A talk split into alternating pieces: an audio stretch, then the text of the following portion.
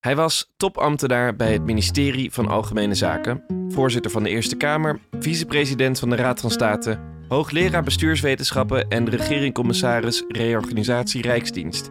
Ook was hij informateur in de kabinetsformaties van 1994, 1999, 2010, 2017 en recent nog in 2021.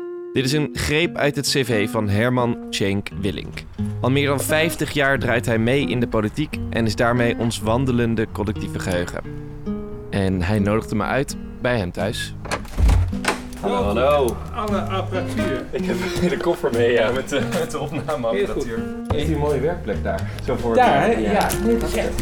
Eh, het is ook heerlijk om naar buiten te kijken en te staren. Ja, te denken. Ja, weet je, dat geeft dan de indruk van denken. Het werd een gesprek over de taken van de overheid, wat de politiek eigenlijk moet doen en wat wij van haar mogen verwachten. Maar vooral over wat jonge nieuwe bestuurders moeten doen om niet in dezelfde patronen te vervallen van de afgelopen decennia. Want, zoals Einstein ooit zei, we kunnen een probleem niet oplossen met de denkwijze die het heeft veroorzaakt. En zo zat dit gesprek vol wijsheden, die veel verder gaan dan de politiek, over hoe het op zoek gaan naar schuldigen zo onproductief is, waarom tegenmacht en balans belangrijk zijn. En dat iedereen een gezond wantrouwen moet hebben tegen de mensen die zeggen: dat lossen we wel weer even op. Want voor complexe problemen zijn geen simpele oplossingen. Aldus Cenk Willink. Nou, zet dat maar op een tegeltje.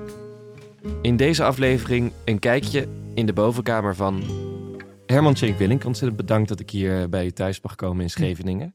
Het is er genoegen. Hoe gaat het met u? Met mij gaat het goed. Ja, wat fijn. Ja, nee, er gebeurt van alles. Het is permanent. Je maken van keuze. Keuze in wat?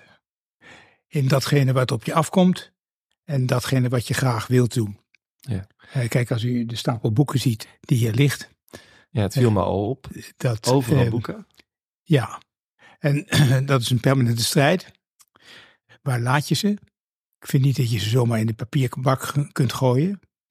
Maar wie heeft er belangstelling voor? En hoe maak je de selectie? Ja.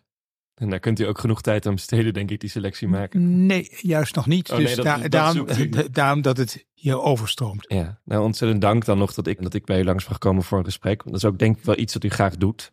Ik hoorde u laatst over kennis overdragen. Dat het toch ja, ik vind, je nog eh, mee bezig vind, wil houden. Eh, dat vind ik nog het leuke en het interessante. In zekere zin is dat ook een, ja, een soort plicht die je hebt als je 50 jaar meedraait. Wat zo langzamerhand het geval is heb je toch veel kennis opgedaan. Tegelijkertijd constateer je dat het collectieve geheugen het nulpunt nadert. En dat dat bijvoorbeeld een van de grote gevaren is, nu er ruimte is voor verandering. Aantreden van een nieuwe generatie, politie, bestuurders, doorstroming van ambtenaren. Dat het gevaar is dat door gebrek aan kennis, aan geheugen, eigenlijk ongemerkt mensen dreigen ingepakt te worden door de bestaande belangen en de bestaande gang van zaken, de bestaande rationaliteit. Wat, wat bedoelt u daar dan precies mee? Hoe wordt dat concreet? Doordat zowel politici als bestuurders als ambtenaren permanent wisselen als journalisten, is het geheugen van die individuen en dus het collectieve geheugen van iedereen uit beperkt geworden. Dan zou je zeggen, nou dan moet je dat in archieven en in bibliotheken en in documentatieafdelingen kunnen vinden. Maar op departementen zijn die opgeheven. De centrale archieffunctie is vaak afgeschaft. Dus het kost steeds meer moeite als je iets wil weten om iets ja, boven water te krijgen. Dat wordt dan direct weer toegeschreven aan. Uh, ze willen het niet geven. Wantrouwen. maken. Terwijl het vaak veel simpeler is, namelijk dat het niet gearchiveerd is. Of gearchiveerd per afdeling of per persoon. En dat is dus, dat is dus griezelig. Want dat heb ik bijvoorbeeld gemerkt bij kabinetsformaties. Nu is het de kansen die ik heb gehad uitzonderlijk. Want de eerste kabinetsformatie die ik meemaakte als secretaris was in 1972. Dus dat is toch 50 jaar kan je min of meer overzien. Ik heb, ze, heb niet een actieve rol in al die gespeeld, maar toch vijf keer als informateur. Dat je, dan gebeurt er iets en denk je, oh ja, dat doet me denken aan Nou, vul maar in. 1994, 1999, 2010. Even oppassen. Ervaring. Dat, ja, ja, dat is ervaring en alert zijn op gevoeligheden. Gevoeligheden niet zozeer tussen personen, want die waren er toen nog niet. Toen, die personen wisten juist, maar tussen, voor de gevoeligheden tussen partijen moet je altijd rekening mee houden. Of hoe processen nu eenmaal gaan. En het is een groot voordeel dus om over dat collectieve geheugen, over, over dat geheugen beschikken, voor zover dat daar geen gaten in vallen. Maar dat moet je dus, dat moet je dus overdragen. Dan moet je die kennis natuurlijk, anderen doen ook weer hun eigen kennis op. Maar het is toch handig om niet steeds het wiel opnieuw uit te hoeven vinden. Ik herken daar bijna een soort ouder-kindrelatie in. Dat een ouder is iemand die al veel heeft meegemaakt en uiteindelijk dan dus nieuwe generaties die het allemaal nog inderdaad misschien nog niet weten, allemaal loslaten. Maar een, een goede ouder die koppelt ook soms terug van pas nou op, want dit heb ik al wel eens eerder gezien. Nou ja, dat is natuurlijk niet alleen ouder-kind. Dat is ook vaak bij de trainers ja, en spelers. Ja, dat was vroeger minder. Naarmate toen vroeger, toen, het is, ik ben niet, niet van de school die zegt vroeger was alles beter. En waren de mensen ook beter en dergelijke. Dat is allemaal onzin. Maar ze bleven wel vaak langer op een post zitten. Dat betekent dus dat je op die mensen, bij die mensen kon navragen. Hoe was het tien jaar geleden? Terwijl als je nu navraagt, zo hooguit vier jaar kunnen overzien. Ik ben voor een, een belangrijke reden dat ik ook bij u terecht ben gekomen voor dit gesprek. En ik wil ook gebruik maken, denk ik, een beetje van uw, uh, uw geheugen. Een soort personificatie van dat, van dat collectieve geheugen. Ik denk dat, dat mijn generatie in, in het bijzonder, maar ook velen in Nederland, zich de afgelopen tijd veel zorgen maken. En waar het heen gaat met Nederland, in nog veel groter waar het heen gaat met de wereld. Ik ben er daar ook zeker een van. En ik realiseer mij dan eigenlijk ook, ja, maar ik heb ook niet echt een andere tijd meegemaakt. En u loopt een kleine 57 jaar langer rond op deze planeet dan ik. Ik vraag mij dan af, is deze tijd inderdaad echt zo uniek, zo ontwrichtend of onzeker? Ik vind dat heel moeilijk te, uh, beantwoorden. Elke tijd heeft, heeft de onzekerheden. Direct na de oorlog, de opbouw, de vraag: wat zijn de economische mogelijkheden? Er zijn nu zo verschrikkelijk veel nieuwe mogelijkheden, technische mogelijkheden, die je ten goede en ten kwade kan aanwenden, maar ook ten goede. We weten zoveel meer. Dus het gaat niet zozeer om, was het vroeger beter, stabieler? Ja, in sommige opzichten wel, in andere opzichten niet. Maar tegelijkertijd zie ik dat juist de jongere generatie, jouw eigen generatie, allerlei dingen wil waar ik me zeer in herken. Dus minder alleen maar op de economie georiënteerd, meer waarde georiënteerd, meer zich afvragen waar staat democratie eigenlijk voor? Hoe kan het nu dat zo'n toeslagenaffaire ontstaat? Dus er zijn allerlei mogelijkheden om de zaak weer in een andere richting te, te draaien. Na 40 jaar heel erg gericht te zijn geweest op economische groei via de private sector. Heel erg op de overheid als bedrijf. We zien dat dat, dat, dat toch niet zo heeft uitgewerkt als in optimisme was eh, gedacht. En dat betekent dus dat je moet nagaan, als die weg doodloopt, welke weg nemen we wel? Je kan overeenstemmen over de weg, dat de weg die je gaat niet de goede weg is. Maar daarmee heb je niet de andere, betere weg gevonden. En wat ik probeer te doen, ook in mijn boekjes, is zeggen: zouden we toch weer eens kunnen kijken, zouden we eerst op een andere manier kunnen denken over die overheid? Ik denk ook voor veel van de, de problemen die er nu spelen, de crisis die er zijn, de zorgen die er zijn, dat veel antwoorden zijn te vinden in het optreden door de overheid. En dat de overheid systeemveranderingen kan doorvoeren.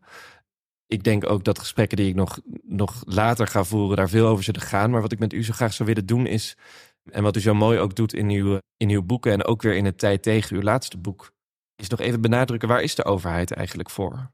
En wat zijn haar taken? En, en wat zijn dan ook de taken van de politiek binnen de overheid? Kunnen we daarmee beginnen? Eigenlijk even helemaal terug naar het fundament van waar dient de overheid eigenlijk voor en wat kunnen we als burger van haar verlangen? De, de overheid, waar dient de overheid voor, moet gepreciseerd worden. Waar dient een overheid in een, die werkt binnen een democratische rechtsorde voor? Er zijn natuurlijk ook autoritaire regimes. Het gaat er juist om dat, dat we graag een gematigde samenleving met een gematigd systeem willen hebben. Waar conflicten beheersbaar blijven. En daarvoor hebben we de democratische rechtsorde bedacht. Democratie staat voor verscheidenheid, ruimte voor anders denken, andere achtergrond. En recht staat voor rechtvaardigheid, ieder gelijk voor de wet. Dat houdt de, de maatschappij leefbaar. De overheid, de verschillende overheidsorganen, hebben tot taak om die democratische rechtsorde overeind te houden en te versterken. Mijn analyse van de afgelopen jaren is geweest dat dat functioneren juist die democratische rechtsorde uitholt. En dus het pleidooi om ervoor te zorgen dat dat verandert. Dat ieder weer weet wat zijn functie is. Te beginnen de, de politiek. Wat is de politieke functie? De politieke functie is steeds opnieuw aangeven, beslissen, keuze maken wat het algemeen belang op dat moment in die zaak vordert. En daarvoor is nodig een visie op waar we met de maatschappij heen willen en een politiek debat, omdat de opvattingen daarover nu eenmaal uiteenlopen. En uiteindelijk de bereidheid om tot een compromis te komen. Dus, en dat zijn we eigenlijk, dat is eigenlijk nauwelijks meer het geval. Visies zijn verwaterd, het politieke debat, inhoudelijk debat, vindt weinig plaats. Nou, misschien tijdens een formatie dat er wordt gesproken. Precies, maar dat, meer is, van. maar dat is geen openbaar politiek debat. En het gaat nu juist om de openbaarheid. Gaat om het wegen en het discussiëren van argumenten en tegenargumenten. En waarom is dat van belang? Omdat daarmee ook degene die uiteindelijk de minderheid vormen en die dus geen gelijk krijgen, die hun standpunt niet gehonoreerd zien. Toch uh, opvatting krijgt, er is serieus naar gekeken. Dit keer vormen we een minderheid. De volgende keer is het onze beurt. De burger kan heel goed nagaan dat hun perspectief gewoon gehoord is. En waarom een bepaalde compromis Precies. hun keuze misschien niet maakt die ze graag hadden willen zien. En, dat, en dan kan je er veel makkelijker vrede mee hebben dan dat het van tevoren wordt besloten. Ja. En, en, en, en, en in die zin, want u vroeg naar wat is de eh, taak van de overheid. In die zin heeft de overheid, en dan met name de politiek, niet aan haar taak voldaan in de afgelopen jaren. En daar moeten we dus naar terug. Ja, nou wat, wat ik dan wel belangrijk vind is nog inderdaad van wat kan de burger van politiek verwachten? Want u haalt vaak ook de sociale grondrechten aan. En ook dat die heeft volgens mij wel eens verwaarloosd genoemd. Ja, je, we moeten ook beter nadenken over wat we eigenlijk onder burgers verstaan. We hebben toch de neiging om te zeggen, ja, burgers, dat is toch een beetje als individuen, dat is toch een beetje als afnemer van overheidsdiensten. Een klant. En uiteindelijk in het bedrijfsmatig denken een klant, maar of een patiënt. Maar burgers zijn in de eerste plaats degene die de politieke verhoudingen bepalen, de politieke machtsverhoudingen. Daarvoor kiezen we. Burgers zijn ook, moeten ook de vrijheid hebben, en in zekere zin nemen, om zelf hun bijdrage aan de maatschappij te leveren. Het actief burgerschap, de civil society. Burgers zijn tegelijkertijd ook justitiabelen. Ze worden beschermd door het recht en hebben rechten. En tenslotte zijn burgers, mogen burgers van de overheid bepaalde minimumvoorzieningen verwachten. Daar komen de sociale grondrechten in geding, waarin staat dat de overheid de verantwoordelijkheid voor heeft voor, voor werkgelegenheid, culturele ontplooiing, voor inkomens en dergelijke. En ook daarin heeft de overheid de afgelopen jaren, is de overheid eigenlijk de afgelopen decennia vrij minimalistisch te werk gegaan. Die sociale grondrechten, die kernverantwoordelijkheden van de overheid, zijn een beetje buiten beeld geraakt. Dus als je naar die vier verschijningsvormen van burgerschap kijkt, dan moet je constateren dat in elk van die vier vormen de burger er niet op vooruit, maar eerder op achteruit is gegaan. En als je dus wilt dat de geloofwaardigheid van de overheid voor de burger toeneemt, dan zul je aan elk van die vier verschijningsvormen, dus zowel de invloed op de beleidsvormen, op de politiek, als de ruimte om zelf initiatieven te nemen, bijvoorbeeld in de energietransitie, als de toegang tot de rechter en de, gelijk, en de gelijkwaardige toegang tot de rechter, als het minimumvoorzieningenniveau waarop elke burger, of hij nou in de regio woont of in de grote stad, aanspraak mag maken. Is het niet, is niet raar dat in sommige regio's er geen enkele overheidsvoorziening meer is? Omdat de markt het niet levert en de overheid zich heeft teruggetrokken. Wat wil je dan nog dat de burger, dat de burger de overheid vertrouwt die onzichtbaar is? Geen wijkagent, geen pinautomaat, geen bibliotheek, geen openbaar vervoer. Er zijn toch, we moeten toch opnieuw nadenken over waar heeft iedereen, waarop kan iedereen rekenen? Geen huisarts. Dat is toch een beetje wonderlijk. Ja, toen u dat ook net zo zei over de sociale grondrechten die er, die er zijn, met de kerntaak van de overheid. Ik bedacht me ineens dat ik eigenlijk denk dat heel weinig mensen weten dat er sociale grondrechten zijn. Ook burgers die daar niet eens zo bewust van zijn dat die grondrechten er zijn. Op het moment dat de politiek die. Kijk, dat de burgers dat niet zo weten, dat is nog daar, daar naartoe. Maar veel politici weten het niet. En dat is veel ernstiger. Ja. We hebben het in 83 hebben ze die met uw algemene stem in de grondwet aangenomen.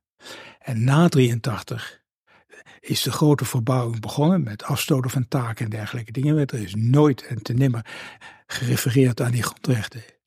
Dat is toch eigenlijk gek. Dat achteraf. is heel gek.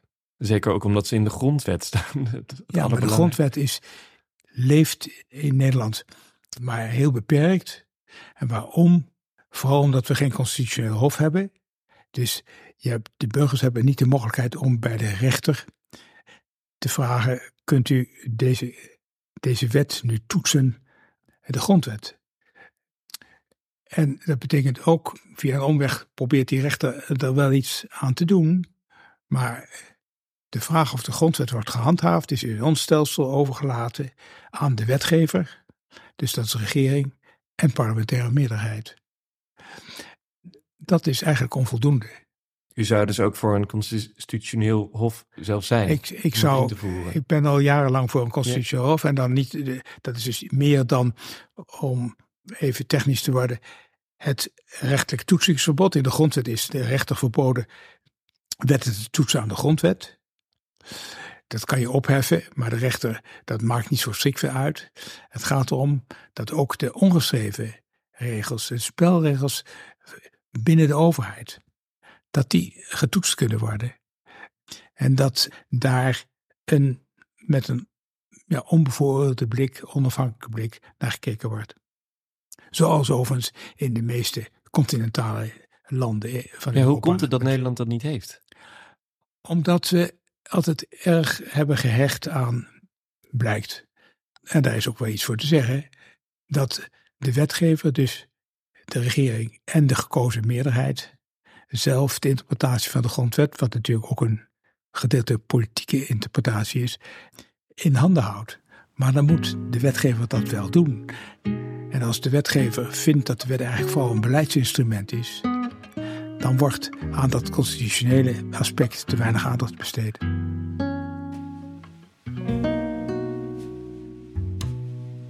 Ik uh, zou graag een soort gedachte-experiment met u willen doen.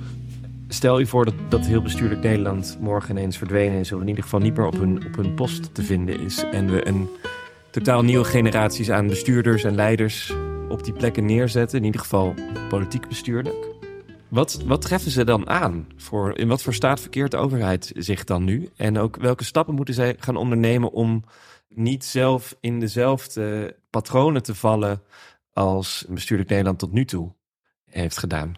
Wat ze aantreffen is, is denk ik heel, heel wisselend. Iedereen concentreert zich nou heel erg natuurlijk op de missers, de kindertoeslagen, de aardbevingen in Groningen. En nou, zo zijn er Talloze de- dossiers waar we kunnen refereren. Ja, maar tegelijkertijd zijn er natuurlijk ook heel veel dingen die goed gaan, die eh, goed geregeld zijn. Maar wat ze, dus voor een gedeelte, de- de- het beeld is dus wisselend. Maar ze zou een aantal dingen moeten weten. Eerst wat je moet weten als je aantreedt als nieuw politicus, als nieuw bestuurder. Wat is eigenlijk mijn eigen functie? Dat klinkt als een vrij logische vraag. Dat is een vrij logische vraag. Hij is trouwens heel. Hij is, als je dat aan een politicus eh, vraagt, krijg je denk ik heel verschillende antwoorden. Het zou toch handig zijn om te weten waar je verantwoordelijkheid begint en ophoudt. Maar bedoelt u verschillende antwoorden zelfs dus als u twee Kamerleden zou vragen om hun taak te beschrijven, dat ze dus andere antwoorden kregen of twee keer dezelfde ministerspost en andere ministers, dat elke keer die, die functie anders wordt geïnterpreteerd? Nou, kijk, in een systeem waar in de praktijk politiek toch heel sterk is geworden tot meebesturen. En meebesturen heel sterk is geworden tot regelen. En regelen heel sterk is geworden tot management. Dan zie je de, de, de trechter, de fuik waarin de politiek zwemt. En dus niet het besef, wij moeten steeds op basis van de visie die we hebben op de maatschappij waarin we willen leven, moeten we afwegingen maken van wat past in die visie, stap voor stap. Kunnen we die, die fuik nog even een beetje ontleden? Het begon met politiek is, is meebesturen geworden. Wat bedoelt u dan precies? Nou, dat eigenlijk de gekozen volksvertegenwoordigers heel sterk van dag tot dag of bij elk onderwerp denkt, hoe zouden wij dat willen regelen? Dat zie je bij kabinetsformaties. Dat is toch een hoogtepunt in de politiek. Daar is de politiek aan zet. En je ziet in dat regeerakkoorden zijn zelden een opsomming van de voornaamste problemen die men wil gaan oplossen. Met daarbij de, de, de notitie dat men het eens is over de wijze waarop naar die problemen gekeken moet worden. Het is zelden opsomming van de twee of drie alternatieve mogelijkheden om die problemen op te lossen. Maar het is een eindeloze reeks van regelingen, maatregelen. Dat is dus politiek is gelijk aan meebesturen. Meebesturen is gelijk aan regelen. Regelen is gelijk aan management. Dus de vraag, dus wat vinden wij nu het voornaamste probleem? Wat is, wat is het stikstofprobleem? Hoe definiëren we dat? Zijn we het daarover eens? Wat zijn de oorzaken daarvan? Zijn we het erover eens? Niet, niet over de vraag of hoeveel de boeren moeten inleveren en hoeveel het wegverkeer. Maar zijn we het eens over de bronnen? Zijn we het eens over de wijze, de twee of drie mogelijkheden om dat op te lossen, die oorzaken weg te nemen, of in ieder geval te matigen? En dan kan je vervolgens zeggen: het is aan het bestuur, voorbereid door ambtenaren, om de regelingen te maken om die oplossingen tot uitvoering te brengen. Dus zo'n regeerakkoord wordt heel snel een soort managementplan. Waarin regelingen worden bedacht, maar eigenlijk helemaal geen visie wordt geschetst. U pleit. Eh, er, wordt, er wordt dan vaak een inleidend hoofdstuk over Ja. met een poging hoe we tegen dingen aankijken. Dat is een oprechte poging, maar het is te weinig. Zeker is het te weinig, omdat tegelijkertijd vaak niet wordt gekeken of datgene wat men wil gaan regelen, want die opstemming gaat over welke regelingen men wil gaan treffen, ook uitvoerbaar zijn en uitgevoerd worden. Dus het is ook nog een heel incompleet soort managementplan. Klopt het dan ook dat we eigenlijk naar.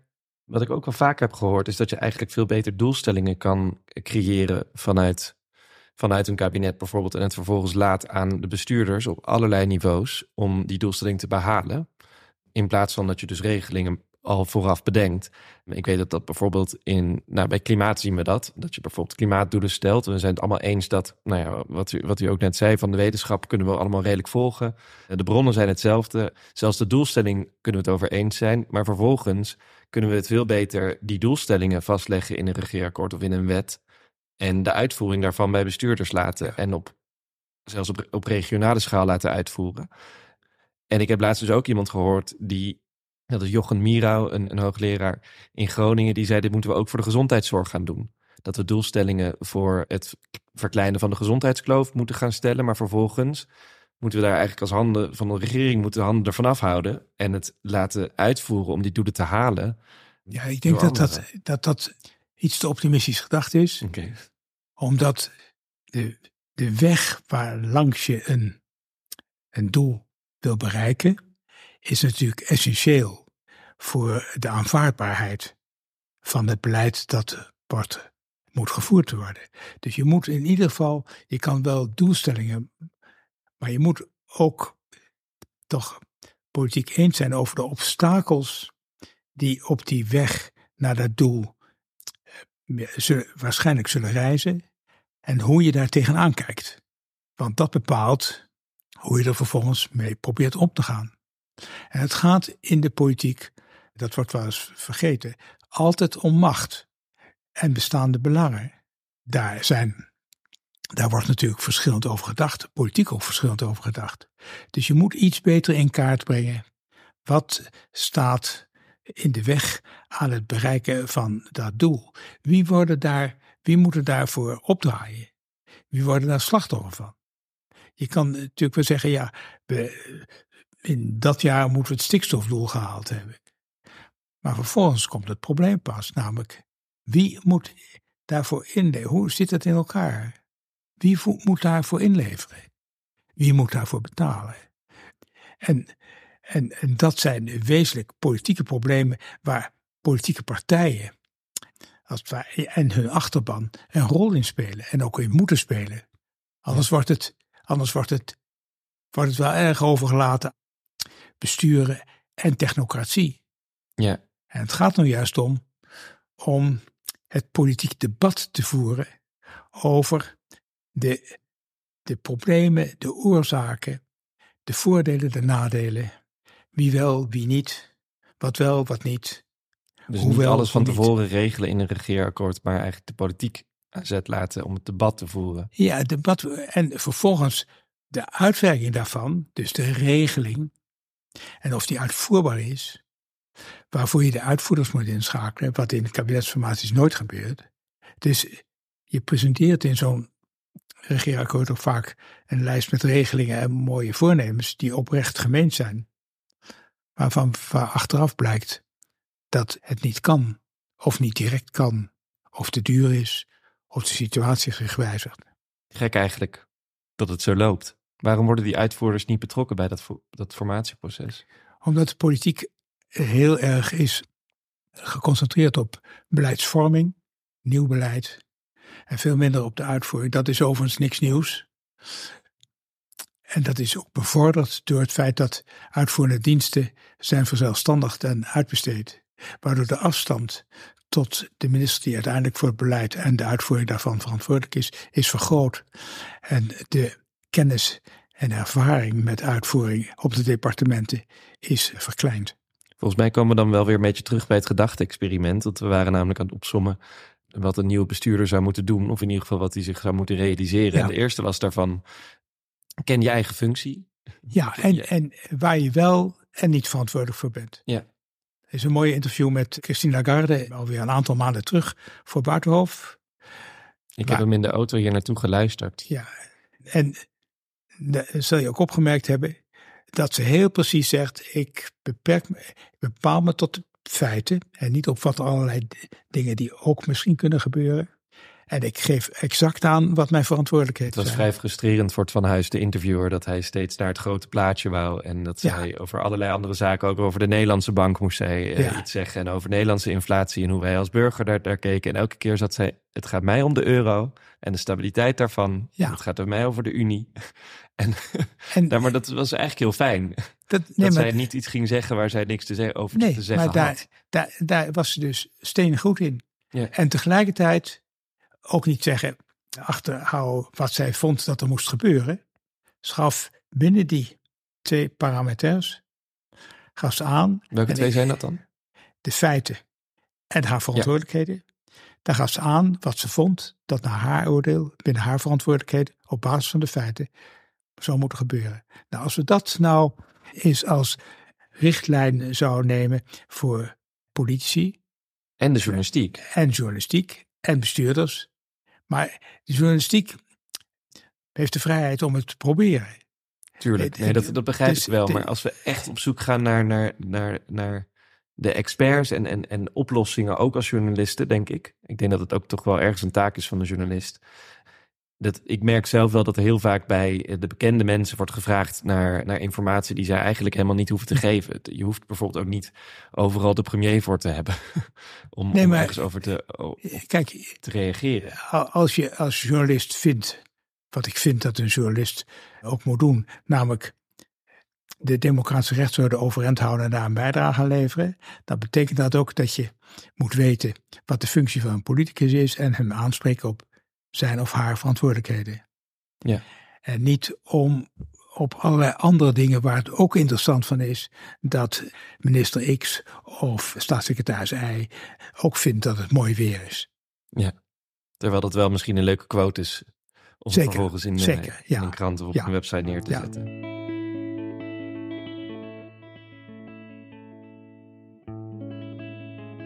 Zijn er nog andere dingen die uh, nieuwe bestuurders moeten zich moeten realiseren?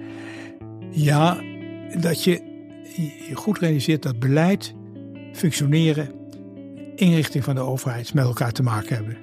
Dus dat je dat het beleid wat je formuleert bepaald wordt in de voorbereiding en in de uitvoering door het functioneren van de overheid. En dat het functioneren van de overheid moet blijven binnen het machtsevenwicht en ieders eigen functie dat uit de inrichting van de overheid voortkomt. Dat is een hele lange zin die ik denk ik nog even moet ontleden. Die gaan we dus nu knippen. beleid, de wijze waarop beleid tot stand komt, legitimeert in belangrijke mate ook dat beleid. Namelijk, wie wordt erbij betrokken? Zijn alle voortegens gewogen? Wie heeft de mogelijkheid gehad om bijdrage te leveren? Is er debat over gevoerd? En daar hadden we het zo net over. Dat maakt het acceptabel uiteindelijk het, het uiteindelijk compromis. En is er draagvlak voor ook. En dan is er draagvlak voor. Dat heeft dus erg te maken met het functioneren van de overheid. Zoals het functioneren van de overheid ook heel bepalend is voor de vraag of het op dat beleid, wat dan is vastgesteld, op een acceptabele manier wordt uitgevoerd. En voor dat functioneren is erg van belang of de inrichting van de overheid ieder helder is en dus ieder weet wat hij of zij moet doen. In noodsituaties is het buitengewoon belangrijk, als er een grote brand is, is buitengewoon belangrijk dat alle brandweerlieden weten wat zijn of haar taak is. En niet iedereen maar aanpakt datgene wat de slang en de spuit die hem voor de voeten komt het is ook belangrijk dat je ook weet wie je waarop kan aanspreken en waarop niet. Dat, heeft dus ook dat, dat schept ook vertrouwen. Als je wederzijds van elkaar afhankelijk bent, en dat is in de overheid heel sterk het geval, daar is de overheid in zekere zin op gebaseerd. Wetgever, de rechter is afhankelijk, mee afhankelijk van de wetgever. De politiek is mee afhankelijk van de uitvoering. Het bestuur is meer afhankelijk van de ambtenaren maatschappelijke democratie en vertegenwoordigende democratie zijn onderling van elkaar afhankelijk. Dan moet je van elkaar weten wat ieder kan, mag en moet.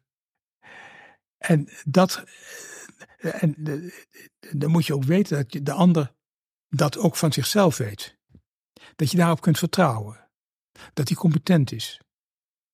Want anders krijg je de neiging, ja, die is niet competent, laat ik het dan maar doen. Maar dat wordt dus rommel. Kunnen we, kunnen we dat concreet maken? Dat iedereen, zijn, iedereen moet weten waar hij zelf verantwoordelijk voor is. Daarop kunnen vertrouwen. Is daar een voorbeeld van te maken?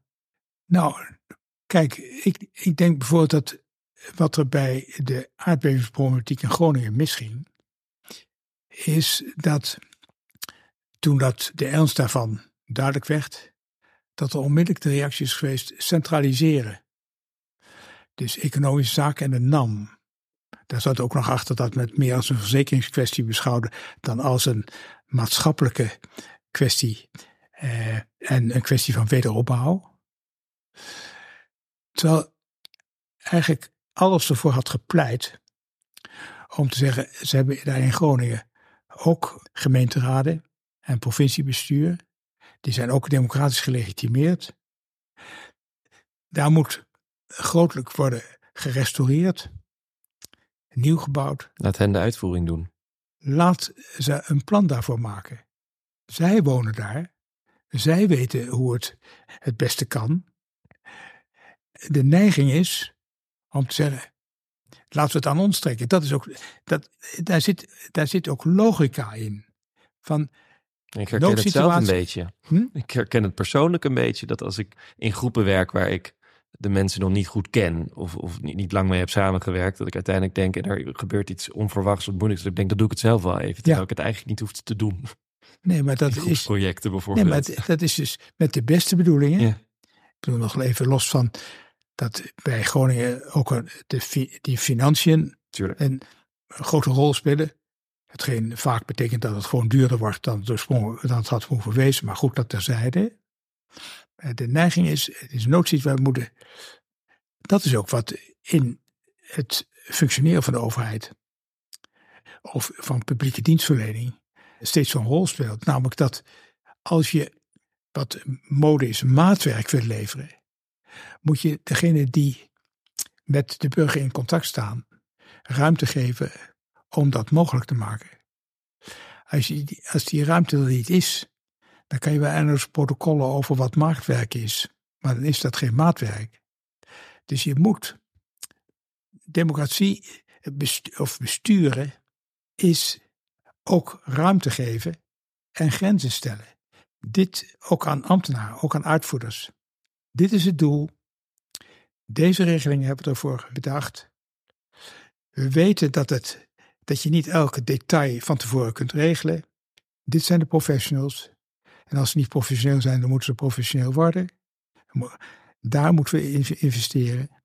En die moeten zorgen dat het billig, rechtvaardig, proportioneel, maatschappelijk aanvaardbaar is. En dan gaat er iets mis, zeker. Gaat altijd iets mis.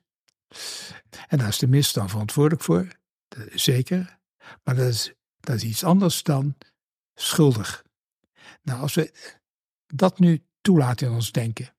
U verzet zich daar altijd een beetje tegen het, het, het woord schuldig en de schuldige vinden. Ja, omdat dat ministerie verantwoordelijkheid is risicoaansprakelijkheid en geen schuldaanspraakelijkheid. Om het maar eens in juridische termen Ja. te doen. Maar u vindt het ook niet productief, geloof ik, het zoeken naar schuld. Het is niet. Het, het- ah, Om Het toch is- over efficiëntie eh, Het te is me- meestal nutloos. Want als je op de Cape beschouwt, is het aantal keren dat personen echt schuldig zijn, is beperkt. En ten tweede, het is altijd achteruit kijken. En niet vooruit. Als je, als je zegt, wie is schuldig? In plaats van, waarom heeft dit kunnen gebeuren? en Waarom heeft het tegenwicht ontbroken? Dan weet je wat je in vervolg aan tegenwicht moet inbouwen om het niet opnieuw te laten gebeuren. Terwijl als je zegt, we hebben nu de schuldige, die moet nu boeten, die moet eruit, is het net alsof het niet meer zal gebeuren. Daarvoor zijn die processen veel te structureel en niet afhankelijk van één persoon, was dat maar waar. Het is dus ingewikkelder dan persoonlijke schuld. U gebruikt het woord vaak, tegenwicht. Het is een vrij essentieel deel van, uw, eh, van de Cenk Willing filosofie, denk ik. Ja. Nou, die is gewoon van Montesquieu hoor. Ja, in ieder geval wat ik, wat ik uw, uw filosofie dan in ieder geval specifiek voor, voor de Nederlandse overheid en politiek. Kan een, een nieuw bestuurder ook zijn eigen tegenwicht creëren? Dus we hebben tegenwicht op grote schaal van instituties die elkaar eh, checks en balances. Maar kan, je ook op, op, kan de minister ook zijn eigen tegenwicht Ja, dat, creëren? sterker nog, dat is wat ik nieuwe ministers altijd, als ze kwamen kennismaken, toen ik vicepresident van de Raad van State was. Dan Altijd. kwamen ze bij u op bezoek. Hoe moet, hoe moet Ja. ik me dat voorstellen? Ja, dus, nou, meestal kende ze wel. Ja. En dan zei ze, wat raad je me aan? Dan zei ik, creëer je eigen tegenwicht. Realiseer je dat je heel snel onderdeel wordt van het bestaande stelsel, van je eigen departement. Ook in de wijze waarop de agenda wordt beheerd. Dus zorg ervoor dat je, dat je naar buiten blijft kijken.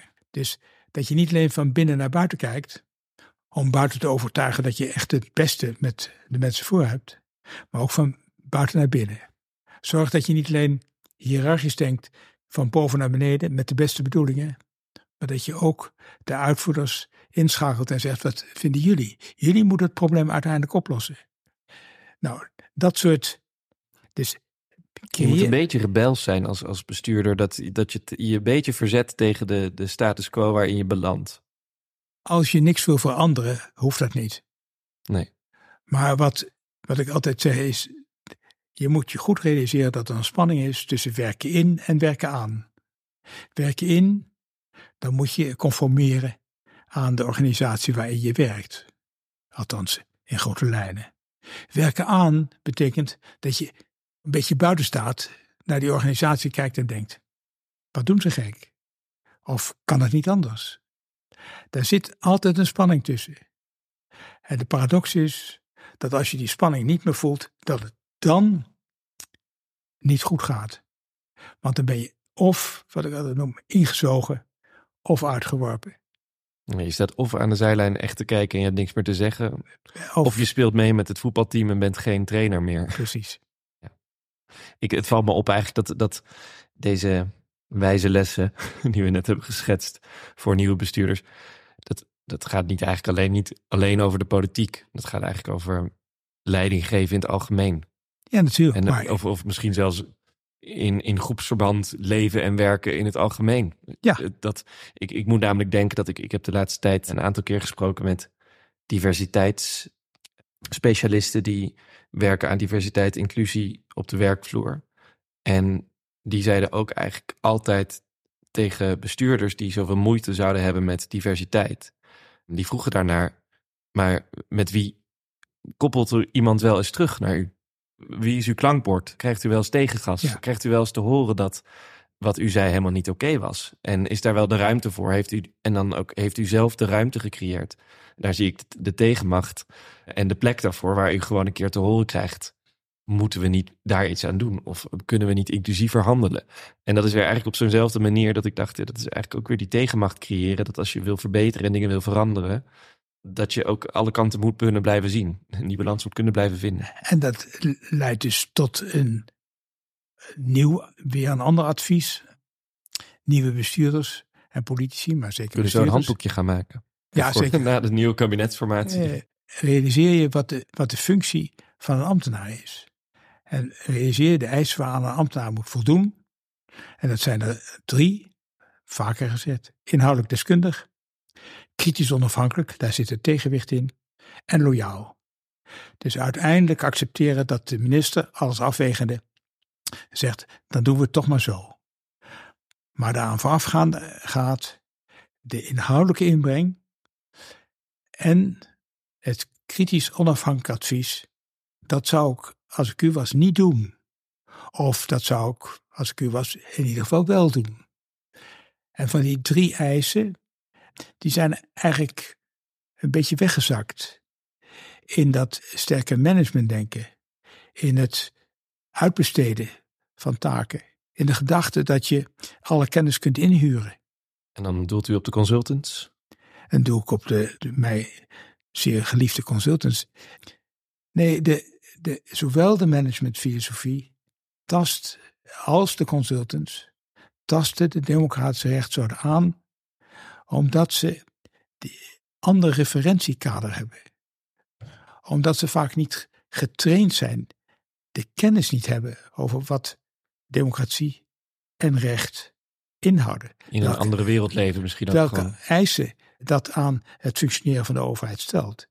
Dus waar we het over hadden, meer het economisch bestuurlijk management denken dan het politiek juridisch denken. Nou, dat, dat, dat zij denken vanuit efficiëntie, kosten besparen. Ja, en efficiëntie en kostenbesparing. Ook wel dienstverlenend, maar. Zijn, zijn, zijn ook belangrijk. Ook in de overheid gaat het altijd over tenslotte gemeenschapsgeld. Maar ze zijn niet het enige en niet alles bepalend. Eisen die daarover moeten worden gesteld naast effectiviteit en efficiëntie zijn democratische legitimatie en publieke verantwoording, rechtszekerheid en rechtsgelijkheid. Daar moet zowel het beleid als het functioneren, als het in, de inrichting van de overheid, moeten aan dat soort eisen voldoen. En dat is toch iets anders dan de eisen waaraan een bedrijf moet voldoen. We moeten leren dat het denken over de private sector, economische sector, en het denken over de, het functioneren van de overheid in de democratische rechtsorde twee verschillende denkwerelden zijn. U pleit eigenlijk al decennia lang voor, voor dit verhaal. Steeds weer andere vorm. U heeft nu weer net een nieuw boekje uitgegeven, maar daarvoor eh, schreef u al eerder twee andere boeken over dit onderwerp. Van de week was Bernie Sanders in de Bali. Ja. Ik weet niet of je het gezien had. Nee, ik heb, ik heb wel op Buitenhof gezien. Maar, Oh, hij was ook op Buitenhof, Ja. dat wist ik zelf niet.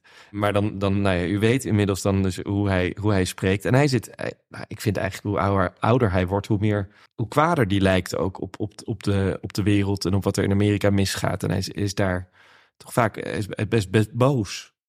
Maar dat bespeur ik niet echt bij u. Terwijl u ook al heel lang hetzelfde probeert te zeggen en er maar niet wordt geluisterd. Of misschien wel wordt, u wordt wel gehoord, maar er verandert misschien te weinig Ja. in uw optiek. Waarom, waarom blijft u er zo rustig onder?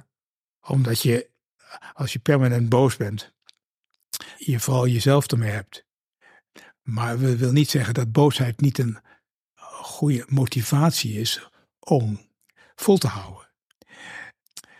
Als je, ik heb vaak gehad dat als ik een toespraak moest houden voor politici of bestuurders of, of bij bepaalde gelegenheden die een beetje inhoudelijk moest zijn, dat ik me, altijd, dat ik me vaak afvroeg, waar heb ik me het afgelopen jaar over opgewonden?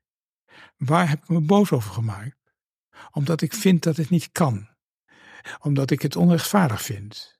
Omdat ik het, nou ja, niet proportioneel vind. Precies die dingen die als het ware ieder van ons, die de democratische rechtsorde wil handhaven, zich steeds opnieuw moet afvragen. Dat is heel vaak een grote inspiratie geweest voor mijn speeches. U schrijft het misschien van u af. Het is bijna een soort, Nou ja, nou ja bijna een soort therapie. eh, Dat het- nee, dan, dan schrijf ik het maar nee, op. psychologen is- hebben gezegd, is- schrijf het eens een keer op in een brief. Ja, nee. Nee, dat, dat is het denk ik niet. Ik sluit het niet helemaal uit, maar dat is het niet. Maar het is wel wat me tot nu toe gemotiveerd heeft om te zeggen, dit is mijn boodschap. En dat te herhalen en te proberen het nog eens op een andere manier. Wordt het bovenover, onderlangs, met andere bewoordingen, met andere voorbeelden. Om steeds te zeggen, kijk nu, kijk nu wat er aan de hand is. Vinden jullie dat dat kan? Vind je dat dat billig is? En je kan veel zeggen, het heeft misschien lang geduurd, maar op zichzelf is het, was het tijd tegen, maar zit er toch een verandering in het tij. Nou, de verkiezingen komen eraan op dit moment. En nog nooit is er zoveel aandacht geweest, denk ik, voor de thema's waar u al zo lang aandacht voor vraagt. Ja, en nu is dus de, de vraag, de voornaamste vraag is ten eerste, wat ik zo net zei, de nieuw aantredende bestuurders en politici die anders willen, realiseren zich, dat de, de kracht van de bestaande belangen, die in transities natuurlijk ook het gevoel hebben, ja, die, het is niet gegarandeerd dat deze belangen overeind zullen blijven. Dus zich verzetten. Dat de kracht van die belangen, de kracht van het denken in termen van economie en management zodanig is, dat je daar heel erg van bewust moet zijn om daartegen tegenwicht te bieden.